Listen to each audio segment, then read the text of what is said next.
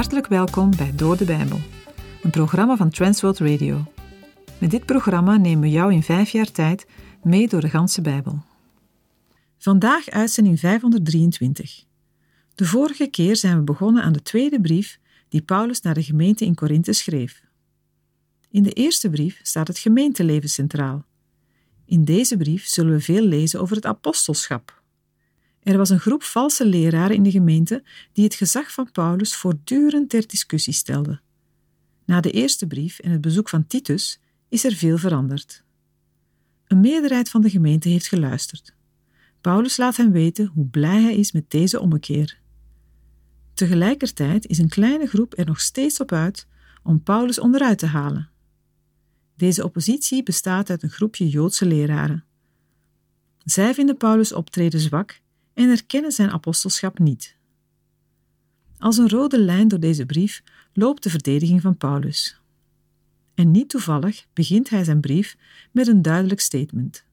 Hij is door de wil van God aangewezen als apostel van Christus Jezus. Deze brief laat veel van de persoonlijke strijd en gevoelens van Paulus zien als hij spreekt over zijn leven als apostel.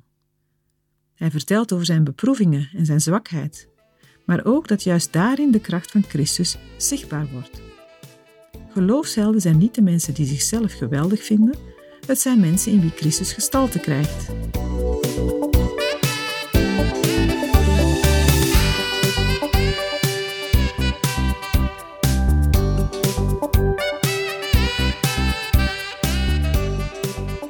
In de vorige uitzending hebben we gelezen dat de apostel Paulus diep onder de indruk is van Gods vertroosting. Enerzijds omdat hij onlangs uit levensgevaar is bevrijd, waarop hij in versen 8 tot en met 11 zal terugkomen. Anderzijds vanwege de bemoedigende berichten van Titus, waarop hij in hoofdstuk 7 zal terugkomen. In vers 3 had de apostel al aangegeven dat God de Vader de bron is van alle liefdevolle goedheid. 2 Korinthe 1 vers 4 Geprezen zij God die ons troost in al onze verdrukking, zodat wij hen kunnen troosten die in allerlei verdrukking zijn, met de vertroosting waarmee wij zelf door God getroost worden. Het is iets heel moois dat er een God is die ons mensen in al onze moeiten kan troosten. Een mens heeft de Heer nodig in alle omstandigheden van het leven. Dat zullen we misschien niet altijd zo ervaren. Maar als er levensstormen komen, nood, ziekte en tegenslagen, dan blijken we maar zwakke en nietige mensjes te zijn, die heel veel hulp, troost en bemoediging nodig hebben. Wat heeft een mens nog te zeggen als de dokter vertelt dat men niet meer zal genezen? Welke grote woorden blijven er nog over als een mens bij de brokstukken van zijn of haar huwelijk zit? Of als je iemand die je lief en dierbaar is naar het graf moet brengen? Een mens heeft de Heer nodig in alle omstandigheden van het leven. Anders houden we het niet vol. Hij troost ons en geeft ons nieuwe moed in alle ontberingen en beproevingen. Hij doet dat opdat wij anderen zouden kunnen troosten en bemoedigen. Voor veel mensen is het christelijk geloof niet meer dan een theorie. Een aantal principes en leefregels die ze misschien vroeger van thuis hebben meegekregen. Het is als een jas die een mens bij bepaalde gelegenheden uit de kast haalt en draagt, maar daarna gaat hij weer de kast in. Voor anderen is het een godsdienstig ritueel, waar geen eigen beleidenis, beleving en woorden bij horen. Je doet het en daarmee moet het goed zijn.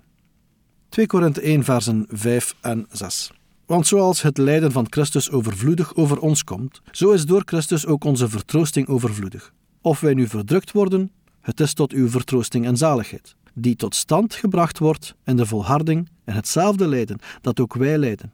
Of dat wij getroost worden, het is eveneens tot uw vertroosting en zaligheid. In het leven van een gelovige zijn lijden en troost twee kanten van dezelfde medaille. Degenen die zoals Paulus omwille van het evangelie lijden, hebben deel aan het lijden dat de Heere Jezus onderging. Zij dragen het lijden namelijk omdat ze van Hem zijn.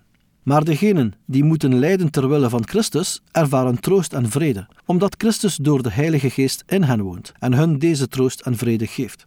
Een deel van de troost die Paulus door de Heere Jezus heeft ontvangen, bestaat hierin dat hij heeft leren zien dat zijn lijden niet zinloos is. Het lijden heeft niet alleen beloning in de toekomst, maar heeft ook resultaat of vrucht in het heden. Die vrucht bestaat uit de redding van mensen die tot geloof komen en de volharding van mensen die al gelovig zijn. Wanneer wij veel doorstaan, dan is dat om Gods troost en redding te brengen. De verdrukkingen die Paulus zijn overkomen staan in verband met de verkondiging van het evangelie. Zo kan hij ook zeggen dat zijn lijden bijdraagt aan het behouden worden en het tot geloof komen van de lezers. Maar dat God Paulus en de andere apostelen heeft bijgestaan in hun moeilijkheden, is weer een bemoediging voor degenen die geloven. Deze bemoediging heeft als uitwerking kracht om vol te houden. De gelovigen mogen het leven van Paulus als voorbeeld zien dat de Heer toch steeds weer redding geeft. Dat geeft nieuwe moed om vol te houden, als zij op hun beurt hetzelfde moeten doormaken. Zowel zij als Paulus delen in dat lijden van Christus. En het lijden van Christus heeft veel aspecten gekend. Hij werd verraden, verworpen, verlaten, had geestelijke en lichamelijke pijn, was uitgeput en werd tenslotte geconfronteerd met de dood. Maar voor we verder gaan wil ik hier nog wat over uitweiden, want geef toe, het voelt zo onnatuurlijk aan om het positieve in verdrukking of lijden te zien. Ik wil u een bekende fabel vertellen. De zon en de wind hielden een wedstrijd om te zien wie de sterkste was. Er liep iemand door de straat met zijn jas aan en de wind zei: Ik ga hem zijn jas laten uittrekken. Dus begon de wind te waaien. Hij blies de man bijna weg. Maar hoe harder de wind waaide, hoe dichter de man zijn jas om zich heen trok. De zon zei: Nu is het mijn beurt om het te proberen. De zon scheen, zo warm en plezierig, dat de man zijn jas uitdeed. De zon slaagde erin te doen wat de wind niet kon. Zo kunnen we ook het leven zien. In het algemeen zal de wind van tegenslag ons niet wegnemen van God. Als de wind begint te blazen, als het zwaar en moeilijk wordt, keren we ons naar onze Vader die ons kan troosten. Maar we bevinden ons op een gevaarlijke plek als alles over een leien dakje loopt, als alles goed gaat en er geen tegenslag is. Als de zon gaat schijnen, hebben christenen het gemakkelijk. Dan bestaat het gevaar dat ze hun mantel van bescherming en troost uitdoen en helemaal in de wereld opgaan. Dit is wat velen in onze tijd doen. 2 Korinthe 1 vers 7 En onze hoop voor u is vast, in de wetenschap dat u, zoals u deel hebt aan het lijden, zo ook deel hebt aan de vertroosting. De hoop waar Paulus het over heeft, is geen hoop die het van mensen verwacht, maar van God, die getrouw is en de gelovigen sterkt, zodat zij kunnen volharden. In Filippenzen 1 vers 6 staat: Ik vertrouw erop dat Hij die in u een goed werk begonnen is, dat voltooien zal tot op de dag van Jezus Christus. Weet je, dat geldt niet alleen voor gelovigen in Filippi en Korinthe, maar die zekerheid mag er vandaag voor gelovigen nog steeds zijn. Het goede werk dat de Heer in jouw leven begonnen is, zal Hij voltooien. 2 Korinthe 1 versen 8 tot en met 10. Want wij willen niet, broeders, dat u geen weet hebt van onze verdrukking, die ons in Azië overkomen is, dat wij het uitermate zwaar te verduren hebben gekregen, boven ons vermogen, zodat wij zelfs aan ons leven wanhoopten. In enkele woorden beschrijft Paulus nu de gebeurtenissen en de troost waarvan hij zo diep onder de indruk is. Hij zegt dat ze er bijna onderdoor gegaan zijn. Ze waren bang dat ze niet zouden overleven. Hij wijst op vervolging, die gepaard ging met voorarrest en een gerechtelijk proces. Lucas beschrijft in Handelingen 19 wel een oproer in Efeze, de hoofdstad van Azië, maar daarbij liep het leven van Paulus niet direct gevaar. Mogelijk heeft Lucas om speciale redenen bepaalde confrontaties van Paulus met de Romeinse overheid bewust weggelaten. In 1 Korinthe 16, vers 9 maakte Paulus al duidelijk dat er veel tegenstanders in Efeze zijn die het op hem hebben gemunt. Als er werkelijk sprake is geweest van een gevangenschap in Efeze, dan is het niet onwaarschijnlijk dat Paulus bijvoorbeeld de brief aan de Filippenzen in deze tijd heeft geschreven. 2 Korinthe 1, versen 9 en 10. Ja, wij hadden voor ons eigen besef het doodvonnis zelf al ontvangen, opdat wij niet op onszelf zouden vertrouwen, maar op God, die de doden opwekt. Hij heeft ons uit zo'n groot doodsgevaar verlost, en hij verlost ons nog. Op hem hebben wij de hoop gevestigd dat hij ons ook verder verlossen zal. De Heer heeft Paulus' leven gered, maar over de aard van deze verlossing wordt verder niets gezegd.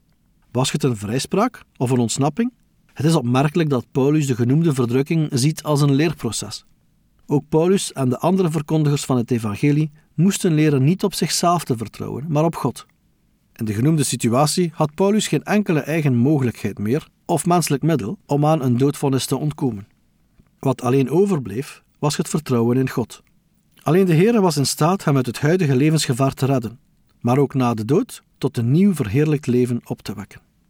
De woorden God die de doden opwekt zijn ook een waarschuwing tegen degenen die de opstanding van de doden ontkennen, waarover we in 1 Korinthe 15 vers 12 gelezen hebben. 2 Korinthe 1 vers 11 Terwijl u ons ook mede te hulp komt door het gebed, opdat door velen dankzegging voor ons gedaan wordt voor de genadegave die door velen tot ons is gekomen. Behalve de Corinthiërs zijn natuurlijk ook andere gemeenten bij deze voorbeden betrokken. Hoewel het misschien voor sommigen moeilijk is voor te stellen dat voorbeden iets zou kunnen bijdragen aan de reddende macht van de Heer, of iets zou kunnen veranderen aan de loop van de dingen, is dat wel degelijk zo. Voorbeden door medegelovigen heeft een belangrijke uitwerking en kan niet worden gemist. Bovendien bevestigen de gelovigen in de voorbeden hun verbondenheid met de Heer en met elkaar, waardoor het werk van Satan teniet wordt gedaan. Op de voorbeden zal ook dankzegging volgen, want als men dan ziet hoe God gebeden verhoort, zal hij lof en dank van vele mensen ontvangen. Naast het aspect dankbaarheid voor gelovigen kan de verhoring ook een getuigenis zijn naar ongelovigen. Zij zien met eigen ogen de grote daden van de levende God. 2 Korinthe 1 vers 12 Want dit is onze roem, het getuigenis van ons geweten, dat wij ons in eenvoud en oprechtheid voor God, niet in vleeselijke wijsheid, maar in genade van God gedragen hebben in de wereld, en in het bijzonder ten opzichte van u. Vanaf dit vers verdedigt Paulus zich tegen beschuldigingen. De exacte beschuldigingen kennen we niet. We moeten ze ontlenen aan de antwoorden die Paulus erop geeft. Kennelijk wordt hem onoprechtheid en onbetrouwbaarheid verweten. Bij de beoordeling door de Heer Jezus zal Paulus eigen geweten getuigenis afleggen dat hij oprecht en zuiver voor de Heer heeft geleefd. Paulus heeft het evangelie niet aangepast aan de heersende filosofieën.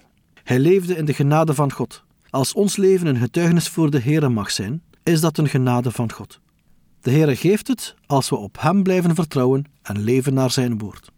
De toevoeging, en in het bijzonder ten opzichte van u, wijst erop dat de Corinthiërs zich voldoende hadden kunnen overtuigen van Paulus' motieven en bedoelingen. 2 Korinthe 1, versen 13 en 14. Wij schrijven u immers niets anders dan wat u leest of ook begrijpt. En ik hoop dat u het ook tot het einde toe zult begrijpen, zoals u ook van ons ten dele begrepen hebt, dat wij uw roem zijn, zoals ook u onze roem bent, op de dag van de Heere Jezus. Hier blijkt dat de brieven van Paulus ook in twijfel worden getrokken. Hij meent nogthans wat hij schrijft, en de Corinthiërs kunnen hem eigenlijk niet verkeerd begrijpen. Hij hoopt dat ze bij het lezen van deze brief zijn eerlijke bedoelingen volledig zullen inzien en erkennen. Bij Christus' wederkomst zijn de gelovigen uit Korinthe de bekroning op Paulus' apostelschap. Want zonder dit apostelschap zou er geen gemeente in Korinthe geweest zijn. 2 Korinthe 1, versen 15 en 16. En in dit vertrouwen had ik mij eerder voorgenomen naar u toe te komen, opdat u een tweede genade zou hebben. Ik wilde namelijk door uw stad naar Macedonië doorreizen en weer van Macedonië naar u toekomen, om door u op weg geholpen te worden naar Judea. Paulus wordt ook beschuldigd van het niet nakomen van eerder gedane beloften over zijn reisplannen. Paulus legt uit waarom het is veranderd. Hij wilde Korinthe een tweede maal bezoeken en vanuit Korinthe naar Macedonië reizen om vandaar terug te keren en een wat langere tijd in Korinthe te blijven. Dit betekende voor de Corinthiërs een verbetering ten opzichte van het oorspronkelijke plan, waarbij Paulus alleen na afloop van de reis door Macedonië in Korinthe zou verblijven. Tot grote teleurstelling van veel Corinthiërs is het eerste bezoek niet doorgegaan. Sommige tegenstanders van Paulus gebruiken deze situatie om hem te beschuldigen van onbetrouwbaarheid. Het reisschema verschilde aanzienlijk van het oorspronkelijke plan in 1 Korinthe 16, de vraag is wanneer Paulus dit schema heeft afgesproken en wanneer hij hun heeft laten weten dat het toch niet doorging. Uit 2 Korinthe 2, 12 en 13 valt op te maken dat Paulus na het schrijven van de eerste brief een kort bezoek per schip aan Korinthe heeft gebracht, in een poging de misverstanden en conflicten tussen hem en de gemeente uit de weg te ruimen. Kennelijk heeft hij toen de Corinthiërs twee bezoeken in het vooruitzicht gesteld. De resultaten van dit korte verblijf in Korinthe waren zo bedroevend dat Paulus bij terugkeer in Efeze besloot om niet op korte termijn weer naar Korinthe te gaan. In een ons niet bewaard gebleven brief, de Tranenbrief, zal Paulus de gemeente van zijn besluit op de hoogte hebben gesteld. 2 Korinthe 1, versen 17 tot en met 19. Ik heb toch niet lichtvaardig gehandeld door mij dit voor te nemen? Of zijn de dingen die ik me voorneem, voornemens naar het vlees, zodat het bij mij zou zijn ja, ja en tegelijk nee? Nee, maar God is getrouw. Ons woord tot u is niet ja en nee geweest. Want de Zoon van God, Jezus Christus, die onder u gepredikt is door ons, namelijk door mij, Silvanus en Timotheus, was niet ja en nee, maar is in hem ja geweest. Het is opvallend dat Paulus nu niet komt met allerlei redenen waarom het reisplan moest worden gewijzigd. De apostel had het voornemen om te komen, maar dat is nu anders gelopen. De betrouwbaarheid van de apostel is niet afhankelijk van het wel of niet doorgaan van een bepaald reisschema. Betrouwbaarheid hangt samen met de gesteldheid van het hart. De hartsgesteldheid van Paulus komt voort uit zijn roeping als prediker van het evangelie. En deze roeping komt op haar beurt van de Heere. De trouw van God, verpersoonlijkt door de Heere Jezus, is door Paulus en zijn medewerkers in Korinthe verkondigd. Toen de Corinthiërs tot geloof kwamen door de prediking, zijn de zegeningen van God door Christus hun deel geworden. Hoe kunnen zij dan nu denken dat de verkondigers van deze verzoening achterbaks of onbetrouwbaar zijn? 2 Korinthe 1 vers 20 Immers, zoveel beloften van God als er zijn, die zijn in hem ja en in hem amen, tot verheerlijking van God door ons. Met andere woorden, wat hij zegt, doet hij. Hij maakt al Gods beloften waar, hoeveel het er ook zijn. En omdat hij Gods ja is, worden wij gedrongen daar amen op te zeggen, tot eer van God.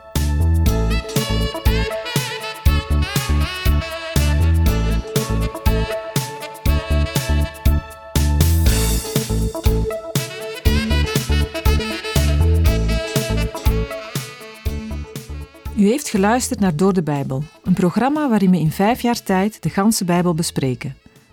De basis voor het programma is de Bijbelstudiereeks van Dr. Vernon McGee, Through the Bible. Deze werd in het Vlaams vertaald en bewerkt door Transworld Radio. U kan elke werkdag naar een nieuwe uitzending luisteren en u kan ook steeds voorbije uitzendingen opnieuw beluisteren of downloaden. Als u wilt reageren op deze uitzending of u heeft vragen, dan kunt u uiteraard contact met ons opnemen. U kan een e-mail sturen naar doordebijbel.twr.be.